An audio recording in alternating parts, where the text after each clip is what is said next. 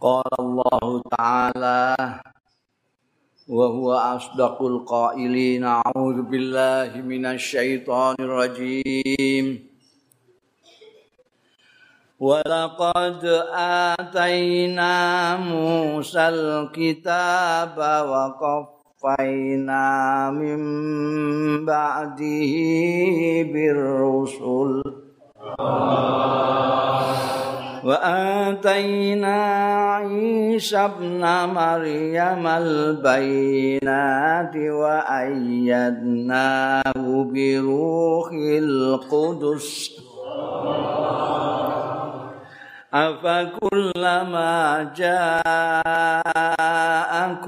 رسول بما لا تهوى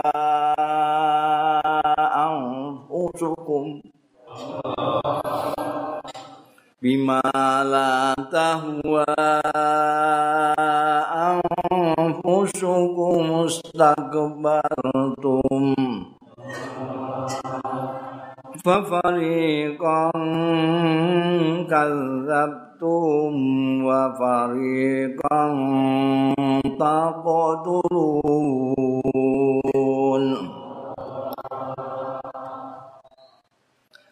balakot ataina lan demi yekti teman-teman wis paring sapa ingsun Musa? Ing Nabi Musa alkitab ing kitab. Waqafaina lan ngetut mbureni nyusulke ngenutake sapa panjenengan ingsun mimbakdi saing sawise Musa birusuli kelawan utusan-utusan. Wa ataina lan maringi sapa ingsun Isa. Ing Nabi Isa ibna Maryam putrane Dewi Maryam maringi albayinat ing pira-pira tandha bukti. Wa ayyadnahu. Lan paring dukungan kekuatan. Sapa ingsun hu ing Isa biruhil kudus kelawan ruhil kudus. Maksudipun malaikat Jibril. Afakul lama mongko ana ta semongso-mongso ja'akum nekani ing sira kabeh sapa rasulun utusan bima la tahwa lawan barang kang ora seneng sira kabeh. Lak kang ora seneng apa amfusukum awak-awak dhewe ira kabeh istakbartum. Mongko gumedhe sira kabeh fafarikon mongko ing sebagian kadzab tunggorohake sira wa farikon lan sebagian liyane tak tuluna mateni sira. Gusti Allah taala sumpah punate paring dateng Nabi Musa kitab pedoman hidup sejarah nggih mencatat bahwa Allah taala paling Nabi Musa kitab pedoman sing naminipun Taurat. Teng Taurat menika saged dipanggi sedaya pedoman-pedoman ingkang dadosaken gesangipun tiang-tiang Yahudi sae kaya nek awake dhewe menika Kanjeng Nabi Muhammad sallallahu alaihi wasallam dipun paringi kitab Al-Qur'anul Karim. Nabi Musa dipun paringi Taurat. Nabi Musa mboten wonten disusul kalih utusan-utusan. Pun nate matur Gusti Allah menika saking apike karo kawulane sing jenenge manungsa niku mboten namung dipun paringi akal pikiran norani tapi dipun paringi utusan-utusan. Nggo ngelingno. Mergo wong niku nek kesuwen terus lali. Mbah suwe tambah lali tambah suwe mbae isih eling bapake wis ora pati eling anake wis ora eling putune blas. Iki manusa ngoten iki nalika Nabi Nuh selamat saking banjir bandang niku kalih rombongane sing ning kapal niku. Sing kapal wong iman kabeh sing liyane sapu bersih kalih air bah menika dadi sing ning dhuwur kapal Nabi Nuh sak kancane mok 70 juga pinten iku. Niki cikal bakale menusa ngantek sak niki niki. Mulane Nabi Nuh disebut-sebut sebagai Adam kedua. Mergo sak niku sak mriki niki jenengan niku dak turune Adam utawi salah satu dari anggotanya teng kapal niku. Berarti wong iman kabeh, apik-apik kabeh. sekian lamanya Nabi Nuh berjuang niku mau entuk niku. Niku wong ketokan paku kabeh. Sing numpak perahu bareng Nabi Nuh niku. Yo ngono suwe-suwe suwe-suwe do drewen-drewen-drewen-drewen. Nek ora anak ya putune ora buyute wis lali nek ajarane wong tuwa-tuwa. Terus Gusti Allah niku saking asih kare manusa dikirim utusan malih, utusan malih, utusan malih. Antek Nabi Musa. Dari sak derenge Nabi Musa pun nonton utusan-utusan, susul menyusul. Begitu lali kirim neh. Sak bare Nabi Musa nggih wonten malih ngantek Nabi Isa. Nabi Isa kaya nabi-nabi liyane nggih diparingi tanda-tanda bukti kenabian. Nek ora dikeki tanda-tanda bukti saben wong iso ngaku nabi. Wis ana mukjizat ana tanda bukti ae sing akeh sing ngaku nabi yo. Saking bodhone wong-wong sing gelem dibodhoni niku. Nek ora bodho ya endi tanda buktine? Kaya Firman ora bodho, takok ambek Nabi Musa, apa buktine kowe diutus Gusti Allah? Iki tongkatku.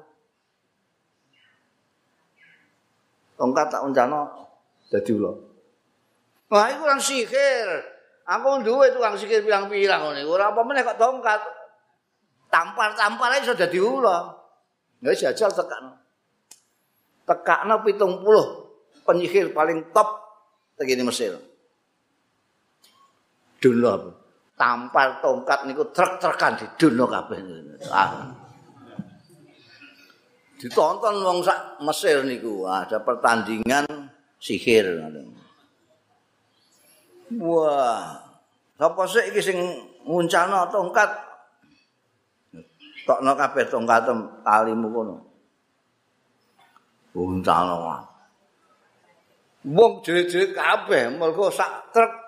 Meniku ping 7 70 truk.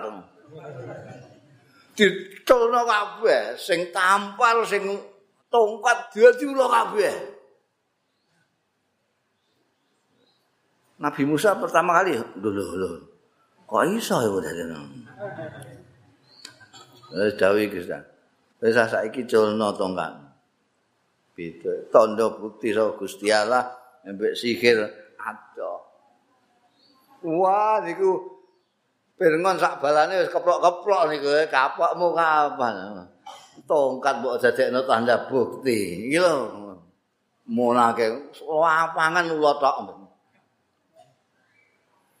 Bareng pun kabeh didono dadi ula kabeh, ana cilik, ana gedhe, ana sing abang, ana kuning, lerek-lerek, macam-macam. Nabi Musa ngecelno tongkat jreng. Sing wedi malah penyihir-penyihir. Iki dudu ilusi iki, dudu sihir. Mergo nek sihir niku ilusi, mripate wong sing digawe nek penyihir-penyihir niku nyawang nggih tetep tali. tetep tongkat. Wong-wong ae sing disihir dadi nyawang tongkat dadi ula, nyawang tampar dadi ula. Tapi bareng Nabi Isa ngeculno tongkate, kaget tukang sihir 470 niki. Lho. Niki ula tenan nih. Lah aku wis ditolak sihir ilusi tak waca kabeh. Isa to. Ngos-ngose bareng kaya ula tenan. Iki ula tenan iki. Secaplok tenan awake dhewe iki. Oh, wabeh to ampar anu segala untah li kabeh. Dadi sing pertama kali iman dateng Nabi Musa niku tukang sihir. Mergo tukang sihir sing ngerti nek niku pancen mukjizat. Sing ngerti nek niku mukjizat niku wong sing duwe keahlian sing mempel-mempel niku. Mulane sing paling ngerti nek Al-Qur'an menika mukjizat ahli-ahli sastra teng Arab niku. Jadi ngerti sastra, ngerti nek iki dudu syair, dudu puisi, dudu prosa. Iki aneh. Tapi indah sekali. Laki yang mbak ya. Benar. Bal niku Nabi Isa. Nabi Isa kula pun nate matur nek manusa niku diutus utusan nggawa mukjizat sesuai karo zaman. Nalika zaman Nabi Musa niku terus senengane sikir-sikir santet barang niku. Dadi ditekakna Nabi Musa jaduk mukjizate tongkat iso dadi ula. Tangan dikempit terus dadi songkle. Bareng bayae pun manusa tambah berkembang, zaman rodok modern, nabi satu murun. Nalika manusa-manusa pun mulai kenal ketabipan, nambani penyakit sak piturute, sing diutus Nabi Isa nggawa mukjizat sing luar biasa. Wa ataina Isa bin Maryam al bayyinat sing ngerti nek niku mukjizat pertama kali nek zaman Nabi Musa sing pertama kali penyihir-penyihir zaman Nabi Isa sing pertama. Percaya nek niku mukjizat ahli-ahli ketabiban ahli-ahli kedokteran niku. Iki dudu urusan medis iki. Masa ana wong mati kok urip meneh iki. Oh iku mbok kei antibiotik apa-apa. Sak drem ya ora urip apa ora. Ana wong wuta demek mari iki di, di atas kedokteran. Nabi Isa menika ora trima diparingi mukjizat-mukjizat sing luar biasa. Iso marekno wong mripate lara. Ana wong sing bluntang ana bahkan sing mati iso ditangekno.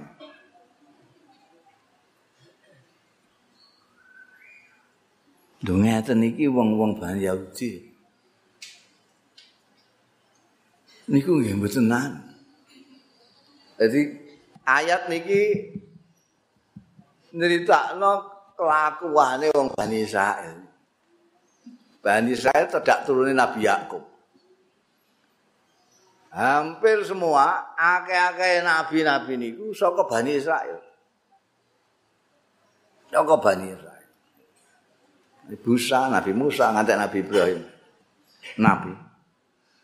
Lho ngoten niku Nabi Isa wis nggawa tanda bukti kaya ngono cetone isih ditunggoni malaikat Jibril. Teng pundi-pundi ini Nabi bisa ditunggoni malaikat Jibril. Dikawal malaikat Jibril. Wa ayyadnahu bi ruhil qudus.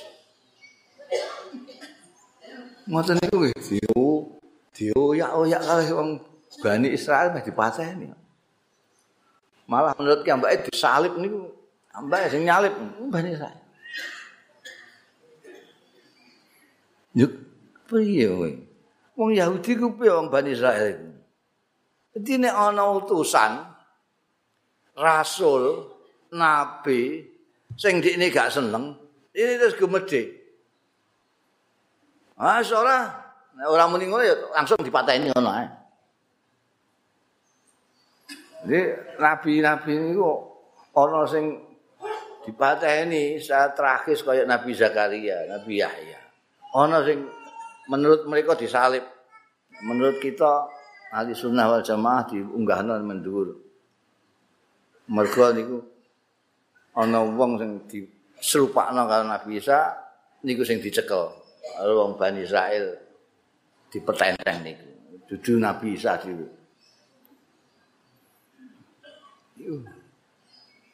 Kanjeng Nabi Muhammad sallallahu alaihi wasallam nggih ajeng dipateni kare wong Yahudi niku. Ya dipateni niku ana wedok namine sinten niku wong. Takok-takok Kanjeng Nabi senengane apa? Senengane wedhus domba. Domba senengane apa? Senengane sampilin. Iki ambek bakar gawe kambing guling kayak racun bagian sampil wah wabeh racun ini diakai sampil nah kancing nabi kali sekabate ayo eh ewangi mangan ini mual hadiah seneng aku ya kambing guling dicipi pertama kali seneng kancing nabi sampil dicipi Nah, sekabate nggih melok-melok sampil dia. Anjing Nabi jahat terus langsung di lepeh. Ora iso nerima iki. Tutuke Kanjeng Nabi. Ora kaya biasa ya sampil oh, enak era karo padha. Lepeh. Lah sing sahabate, lho enak ngeten kok. Sing sahabate wafat. Kanjeng Nabi selamat mau dilepeh. Bareng dicekel ditakoki wong Yahudi wedok niki, kowe kok apa ngono iku? Niki soalnya nek pancen wong jahat, raja jahat wis bendang mati. Nek pancen nabi utusane Gusti Allah, mesti selamat niku mangke. Niku tahu sih. Di samping ameh dipateni wong Arab dhewe, wong Yahudi nate ajeng manteni kan. Dadi modele wong Yahudi nek ora seneng nek ora digorohno ya dipateni. Kelakuane. Niki dibuka kabeh kali Kanjeng Nabi Muhammad sallallahu alaihi wasallam. Mergo didhawuhi kali Allah taala. Ya. Hmm. Ya Allah. ngono antek sakniki niku nggih dilalae wong Bani Israil niki ngono terus niku ya senengane musai wong nek gak seneng terus takabur gemede musai. Wa qalu qulubuna ghulf. Bal anahumullahu bi kufrihim wa qalilan ma yu'minun.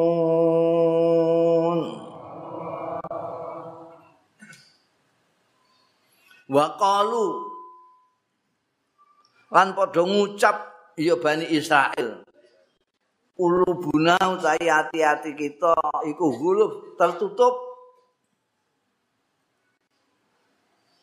Bal la'anahumullah balik nglaknati ing wong-wong Bani Israil sapa Allah Gusti Allah bikufrihim sebab kufure wong-wong Bani Israil. Faqalilan mongko kelawan sithik mayuk minun. Kalilan tambahi man iku tambah sithik maneh kok lilam sithik banget. Yuk minuna padha iman ya Bani Israel niku nek dikandani wong Bani Israel niku termasuk zamane Kanjeng Nabi Muhammad sallallahu alaihi wasallam didhawuhi Kanjeng Nabi Muhammad sallallahu alaihi wasallam niku wangkeme niku elek ra karuan. Wis percuma sampean ngomongi awak dhewe. Hati kami sudah tertutup, tidak bisa nerima. Mufasir mufasir ana sing maknane niki kesombongan. kesombongane wong Bani Israil nalika dituturi niku gak bisa. Saya ini sudah tertutup. Nah, kunci gak iso kowe ngomong ngarep mlebu ning atiku ra iso. Atiku terkunci.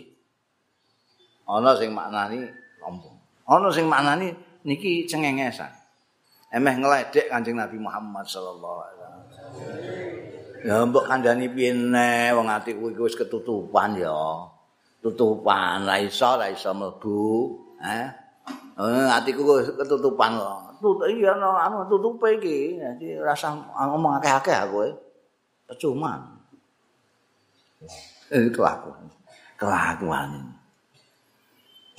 Sedawe Gusti Allah ora kok ketutupan atine ora. Iku ngomong gedobos iku sing bener mereka itu dilaknati Gusti Allah mergo anggone ngupuri ngupuri. Umpama ana sing dipercaya mak sithik. Sithik banget kali lama niku sithik banget. Jadi ya ana sing dipercaya mak sithik banget. Liyane digorohno kabeh, ora ngandel kabeh. Yang mbak itu ngerti nek akhir zaman niku tesih nabi yang terakhir. mung teng kitabe niku kitab Taurat ana. Ning Injil ana. Tapi bareng kiambake mboten seneng karo Kanjeng Nabi Muhammad sallallahu alaihi wasallam. Mergo kok ora keturunan Bani Israel. Jadi Kanjeng Nabi Muhammad sallallahu alaihi wasallam niki kersane Gusti Allah mboten tedak turune Yakub tapi tedak turune Ismail nek Yakub munggah mendhuwur menika Nabi Ibrahim sing garwane Sarah Nabi Ismail munggahe Nabi Ibrahim garwa Siti Hajar di Arab niku niku keturunane Hajar ya padha-padha tunggal bapak lah. Tunggal bapak siji mbok. Niki mbok Sarah nurono Bani Israel. Mbok Hajar nurunkan Bani Ismail. Ini lara hati ini. Jadi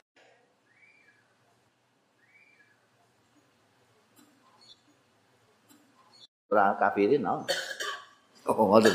Jadi sing kafir aja, kafir dan kafir itu tidak hanya dari Bani Israel, dari mana saja. Anate Gusti Allah. Niku telitine Al-Qur'an. Tiang-tiang Bani Israel menika saderengipun Kanjeng Nabi Muhammad sallallahu alaihi wasallam diutus niku tiang Bani Israel niku pun ngerti mergo kiambake duwe kitab. Nalika Quran teka isine benerno Taurat, benerno Injil. Musab dikon lima ma'ahu. Jadi mboten bertentangan. Al-Quran menika turun mboten kok Eh, iku Taurat keliru kabeh, Injil keliru kabeh. Mboten bener no, iki bener iki iki. Sing ora dibenerno sing gaweane wong guri-guri niku sing memalsukan. Tapi asline Taurat Injil amin. Niku bedane kalih liya-liyane. Liyane niku percaya awake dhewe tok. Bani Israel mau percaya karo Taurat, Injil enggak percaya. Quran enggak percaya. Nasrani percaya nih kalau Injil, rada percaya kalau Taurat sithik. Ora percaya kalau Quran. Nek Quran percaya kabeh. Mulai Zabur Taurat, Injil, Al-Qur'anul Karim. Sadurunge niku wong Bani Israel. Niku kula pun ate matur tengene Madinah niku mawon wonten Bani Israel niku Bani Quraidho sak klen ana Bani Nadir Bani Kainuqa niki wong-wong napa namine? Yahudi-Yahudi sing nang Madinah Lah penduduk asli Madinah ki ambak niku ana dua suku. Suku Khazraj kalih Aus. Yang bersaingan terus. Mboten bersaing rukun apik niku namung setelah Kanjeng Rasul sallallahu alaihi wasallam rawuh rawuh teng kene Madinah kabeh disedulurno disedulurno ora terima wong Khazraj karo Aus tapi juga wong sing teka saka Mekah sing disebut muhajirin dulurno kabeh. Sak dulure perang terus. Aus kali Khazraj niku perang. Niku mergo teng mriki ana wong Arab suku loro, teng mriki ana wong Yahudi suku telu. Perang niku silih berganti. Nengane perang. Eh wong Yahudi, wong Bani Israel nek perang kali wong Arab. Niku ndungane ya Allah Gusti. Mugi anjenengan menangake kita demi utusan panjenengan ingkang terakhir. Dene niku ya staf niku ngoten niku. Dan ndungane niku Jalan niki bijahi Sayyidina Muhammad sallallahu alaihi wasallam. Nah niku ki ambake bijahi nabiin di akhir zaman. Demi nabi akhir zaman kok kita tulungi Gusti. Kalih tiang-tiang Arab ya Mbak, ya Mbak ngono. Awas. Nabi akhir zaman teko semero iku. Akan memimpin kita orang wis sikat kabeh. Niku ya staftihun. Ndonga ya nganggo Kanjeng Nabi Muhammad sallallahu alaihi wasallam. Ngancam-ngancam wong Arab ya nganggo Kanjeng Nabi Muhammad sallallahu alaihi wasallam. Awas kowe. Ora iso menang. Engko Nabi Muhammad nabi akhir zaman teko. Yastaftihuna 'alal ladzina kafaru. Ladzina kafaru niku wong-wong sing mboten iman kalih sinten-sinten. Wong Arab niku ora percaya kalih Gusti Allah, karo kitab, karo malaikat boten percaya. Niku wong so animisme lah percayane karo brahala brahala bangsane. Lah nek niki wong Yahudi Yahudi Bani Israel niki ana percaya karo malaikat, karo Gusti Allah, warga neraka barang percaya. Mulai disebut khusus ahli kitab. Disebut ahlul kitab. Lah nek melawan wong Arab sing kufur-kufur niku ki ambake selalu yastaftihun ngangge Kanjeng Nabi Muhammad sallallahu alaihi wasallam. Lho ngono iku bareng teko tenan. Bareng Kanjeng Nabi Muhammad sallallahu alaihi wasallam rawuh ngasta Al-Qur'anul Karim. Sesuatu yang mereka sudah kenal, tahu persis mergo dikandani kitabe. Engko iki bakale ana nabi akhir zaman ismuhu Ahmad. Ana sing ismu Ahmad dan Muhammad pokoke sing maknane terpuji. Ana nabi sing jenenge iku terpuji. Lu malah nalika Kanjeng Nabi Muhammad sallallahu alaihi wasallam dereng lahir niku menurut riwayat sing bayi lahir lanang akeh sing dijinakno Muhammad. Mbok-mbok menawa anakku gitu. Utus dari Gusti Allah. Mereka tidak menduga sama sekali kalau sing diutus Gusti Allah dudu saka Bani Israel kaya adat saben. Mulai Nabi Ibrahim nganti Nabi Isa saka Bani Israel kabeh. Iki ujug-ujug kok kono. Padahal nalika niku wong Bani Israel wong Yahudi bareng nek ngarani wong Arab niku wis wong kafir. Wong ora percaya mek kitab, ora percaya mek Bareng teko kafal. Kok gak dilanat Gusti Allah iku piye? Diingi dinggo meden-medeni wong Arab. Nek ndonga nganggo demi nabi akhir zaman. Ya bareng rawuh. Ndik ini wis ngerti dhewe. Iki tandane ngene. Sing ngerti niku sing ahli kitab. Mulane sing percaya pertama kali kali Kanjeng Nabi Muhammad sallallahu alaihi wasallam. Niku Sayyidatina Khadijah. Satu sih Sayyidatina Khadijah serba sedikit ngerti niku tentang kitab-kitab. Mergo yang baik ada paman walaupun niku ahli kitab. Jadi tondo-tondo mulane diunggah-unggahi, mboten Kanjeng Nabi sing nglamar niku. Mboten.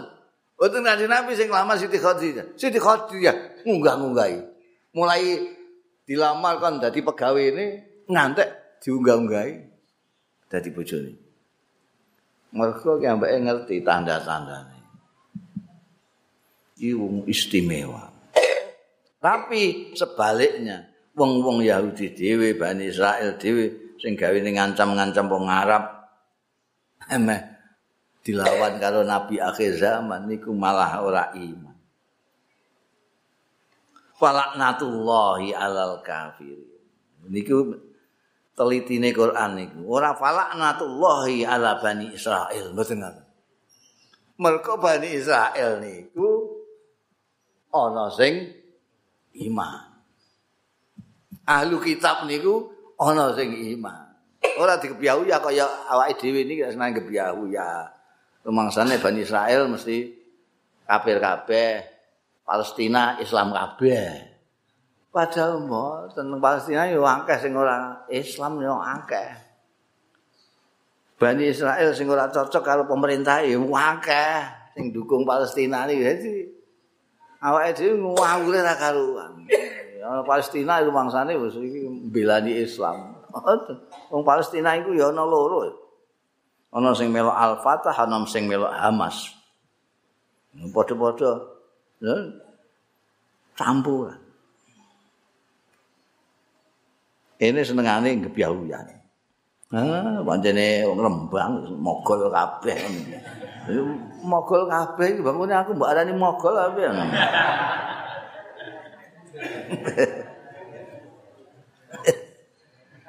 Eh, akeh niku gebyahu ya. Jadi gebyahu ya mesti keliru nih. Wis di bulan balik tenggini Quran niku pelajaran niku luar biasa supaya awake dhewe ora gawe gebyahu ya. Teliti. Hmm. Nanti ana pemimpin di demo niku mergo gebyahuyan. Wis kudu cerita tapi engko nek didarani kampanye. Bisa mastarau bihi anfusahum ayyakfuru bima Allah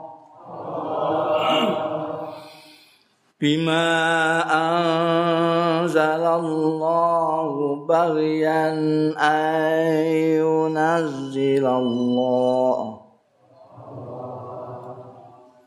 baghyan an yunazzilallahu min fadlihi ala man yasha'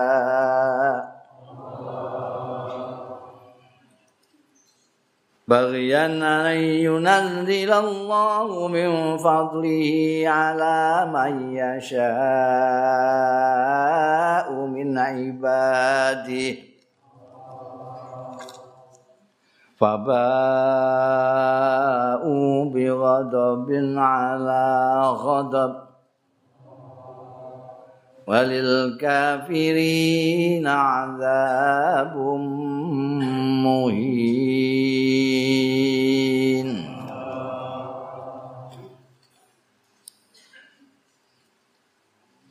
Bi sama starau elek banget. Utawi suwi-wiji starau kang padha tuku ngijolake bihi lawan ya bani Israel bi kelawan ma amfusahum ing awak-awak dhewe ne bani Israel. Apa itu? Ayak furu yaiku yen to ngufuri ya Bani Israel bima kelawan barang anzalallahu kang musnurunake sapa Allah.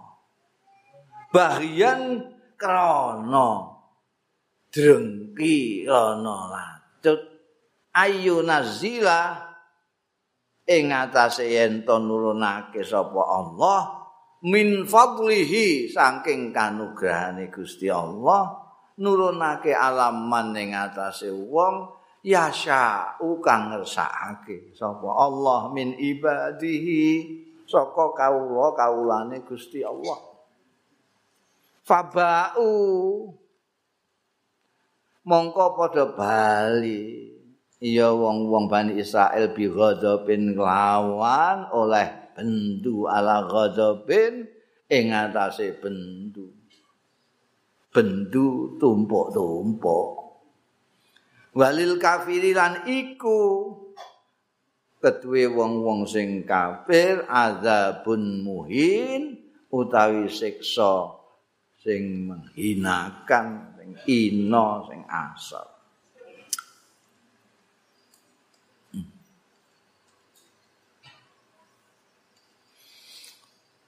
Hmm, Bani Israel ini memiliki tenggina ayat menikah itu. Welek teman. Wong-wong Bani Israel itu piye.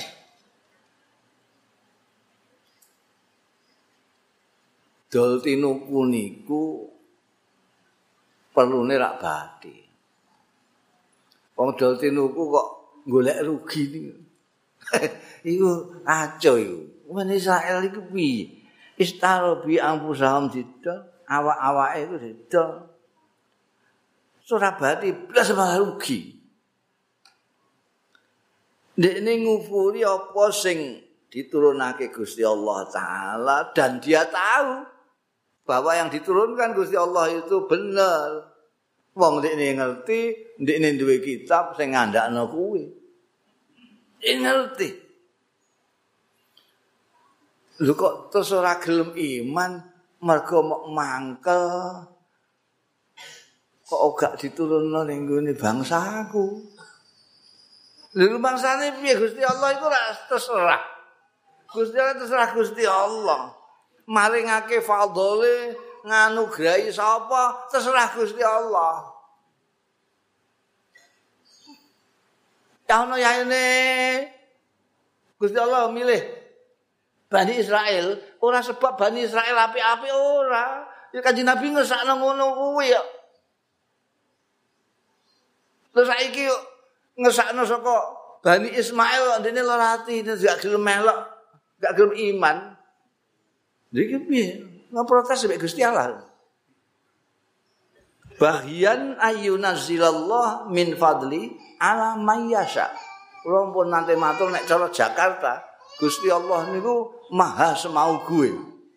Maha semau gue. Nek sak kersane.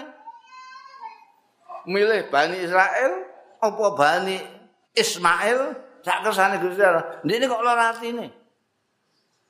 Iki piye wong iki? Ora ngerti nek Gusti Allah itu maha semau gue. Kalau nanti nyeritakno wong ngotet bandingan kula bandingake kali Abu Lahab. Iku semau gue Gusti Allah.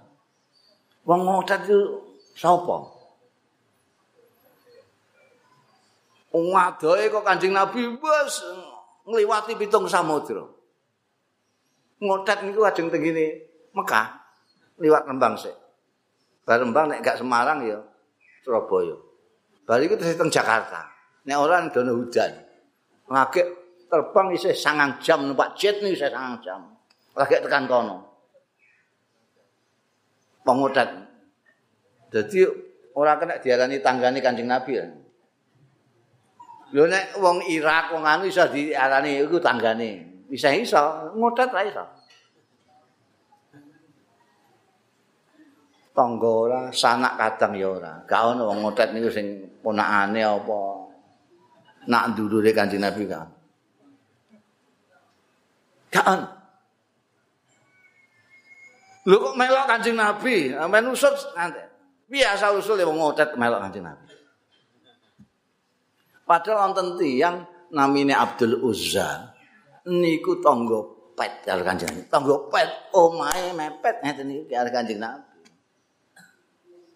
Kiambake tesih pamancer, pamancer mergo kiambake kakane Sayyidina Abdullah, ramane Kanjeng Nabi Muhammad sallallahu alaihi wasallam. Ora terima pamancer tangga pet. Kiambake niku besanan kalih Kanjeng Nabi anak loro. Wes pol-polan niku cedhake karo Kanjeng Nabi. Tangga pet, pamancel besanan anak loro. Top. Ki ambake gadah anak loro lanang namine Utbah kali Utaibah. Dikawinno kali putrine Kanjeng Nabi kalih Sayyidatina Ruqayyah kali Sayyidatina Ummi Kulsum. Pun sampeyan bandingake karo ngodat mau. Oh ngodat tangga ora, dulur ora. Apa-apa. Wadohe pitung samudra. Melok Kanjeng Nabi. Abdul Uzza niki tangga pet pamancel besanan anak loro. Ora trima, ora gelem melok Kanjeng Nabi. Nalika dijak Kanjeng Nabi misah. Pun entekan niku. Ora trima gak gelem. Dijak yo misah. Padahal sing ngejak Kanjeng Nabi Muhammad ya, Mbak. Tapi golek dai sak ngalam donya sing ngaluse, sing apike, sing carane kaya Kanjeng Nabi Muhammad ora ono. Apa meneh kok ke Jakarta tambah ora ono. Alus aja. Iku ae dipisahi. Dipisahi. Kali Abdul Uzani. Misalnya Kapan laka ya Muhammad? Ngajar ke Muhammad. Wong tua-tua kok mbok kumpuk mbok omongi ngene. Padahal sak durunge wis dikandani Kanjeng Nabi. Aku nek cerita ngene-ngene awakmu kabeh do percaya ora? Percaya, percaya, percaya. Nek aku ngene kowe percaya ora? Percaya, percaya, percaya kabeh. Mergo Kanjeng Nabi gak tahu goroh belas lawase urip. Ngantek mereka menjulukinya Al-Amin. Lho bareng dikandani nek pangeran mok siji tok Gusti Allah. Lha kok niki wong niki yo sing tangga pet pamancer bisa anak loro misok taben lah. Ngajar ki, Mat. Wong tuwa-tuwa mbok kumpul ngene mbok omongi ngono kuwi. Pangeran apik-apik pirang-pirang kok mbok kon siji tok. misok. Barang yang mbak Emisan taban laka datang kaji Nabi Muhammad Sallallahu Alaihi Wasallam diwalas Quran tabat yada Abi Lahab Dil itu dilakopi dijuluki Abu Lahab mereka muring-muring sidik ngoten muruk meraine. Lah padahal yang mbak yang ngerdino muring-muring. Dia muruk terus jadi kayak kayak bulate bulate geni bulate geni niku lahap Abu Lahab. Bapak yang bulat-bulat kayak gini. Bareng ana ayat tabat ya da Abi Lahab tumurun anak elo Utbah kali Utaibah diundang. Eh, saiki uga pegat bojomu. Nek ora gak takoni anak. Utbah megah megat Sayyidatina Ruqayyah, Utaibah megat Sayyidana Sayyidatina Ummi Kulsum. Mangke ing tembe Ruqayyah menika Daud kali Siti Sayyidina Utsman bin Affan nalika kapundhut ngeduni Sayyidina Utsman ngeduni Ummi Kulsum.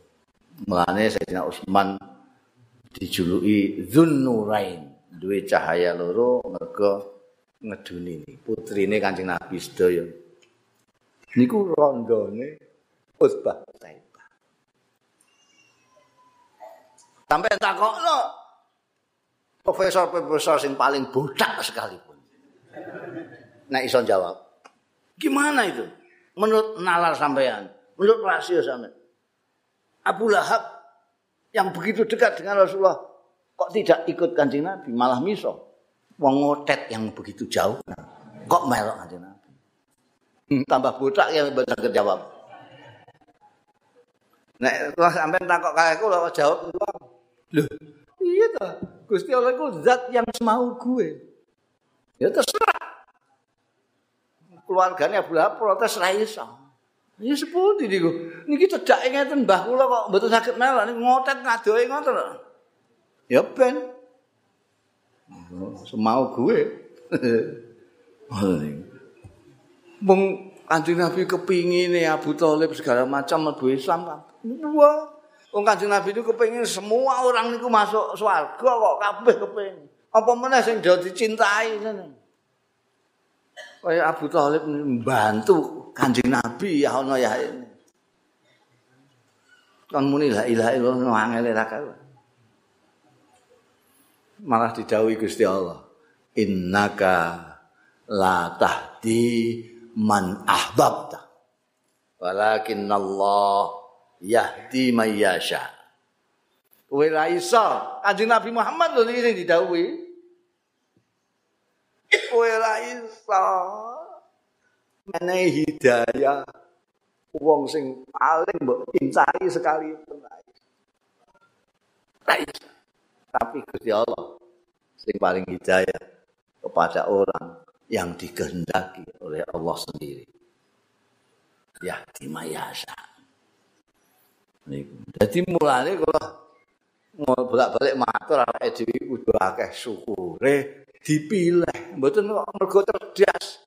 No, aku cerdas ngerti Islam itu apa. Sing udah petentang-petentang rumangsane nakale semarang. Mboten. Wah, aku ku wong kiai ku hebat yo ngene iki. Lho kiaimu sehebat apa? Hebat ndi Kanjeng Nabi. Hebat ndi Kanjeng Nabi. Kiaimu lho. Itu kan si Nabi lah iso ngiman Abu Lahab kok. Kiaimu kok iso ngiman awakmu. Oh hebat kiaimu. Jajal kiaimu kan metu ya Abu Lahab ben mlebu Islam. Oh kadang-kadang petentang-petentang Gusti Allah. Mulane awake dhewe kudu syukur dipilih. Mergo hidayah iki melok kanjeng Nabi iki mlebu Islam iki iman iki ora niku hak prerogatif Gusti Allah taala. Tidak boleh ada yang ikut-ikut. Niku niku nak dulur, wah kok nak dulur paman cer. eh, Nabi Nabi Lot niku bojone, sampeyan sepundi ya? Bojone Nabi Lot niku. Nabi Nuh anake niku, Kanan niku. kejegur begini banjir. Masak wang sule. Siti Asiyah niku bojone Firman. sadis dasi, sadis sadise wong kabeh ngantek ngaku pangeran ampun cancekan. Ora iso ngafirno Asia. Ya jadi Gusti Allah zat yang semau kuwi. Jadi Allah kok dipilih Masya Allah. Akhir zaman dipilih jadi umat kanjeng Nabi Muhammad sallallahu alaihi wasallam. Ini ki wong Yahudi ini Masya Allah kena tinggu pelajaran kita. Drengki serai ini, ku sing mana wong rasa berpikir jernih. Undik nih ngerti nih kita ono, karena karena drengki dia menolak kebenaran. Ngantek lali nek Gusti Allah iku duwe zat muridan semau gue. Lali. Rumah saya Gusti Allah kudu nuruti ndekne. Nek ndekne mangkel Gusti Allah mesti mangkel iki. Mun sak niki kathah tiyang sing ngoten niku. Ndekne muring-muring rumah Gusti Allah mergo muring-muring. Dia pulmu kok mbok padane Gusti Allah niku piye? Gergeten kula. Oh, ini sing gergeten. Nggak merasani Gusti Allah gergeten. nengane mengatasnamakan Gusti Allah. Faba'u bi ghadabin. Nauzubillah min dzalik. Jadi terus wong-wong harus ini untuk bendu tumpuk-tumpuk Bendu gak ngamalno apa yang dia ketahui dari Taurat, bendu dia ngengkari apa yang dia tahu bahwa itu benar. Tumpuk-tumpuk. Tapi ya gak kabeh. Sing untuk siksa sing anu kuwi ya sing kafiri. Mane nungi walil kafirina boten wali bani Israil boten walil kafirina azabun muhim. Ke bani Israil ya ana sing kafir ana sing mukmin, wong Arab ya ana sing kafir ya mukmin, wong Indonesia ya sing kafir mukmin. Ora kena dikebiahu ya. wa idza qila lahum aminu wallahu a'lam bisawab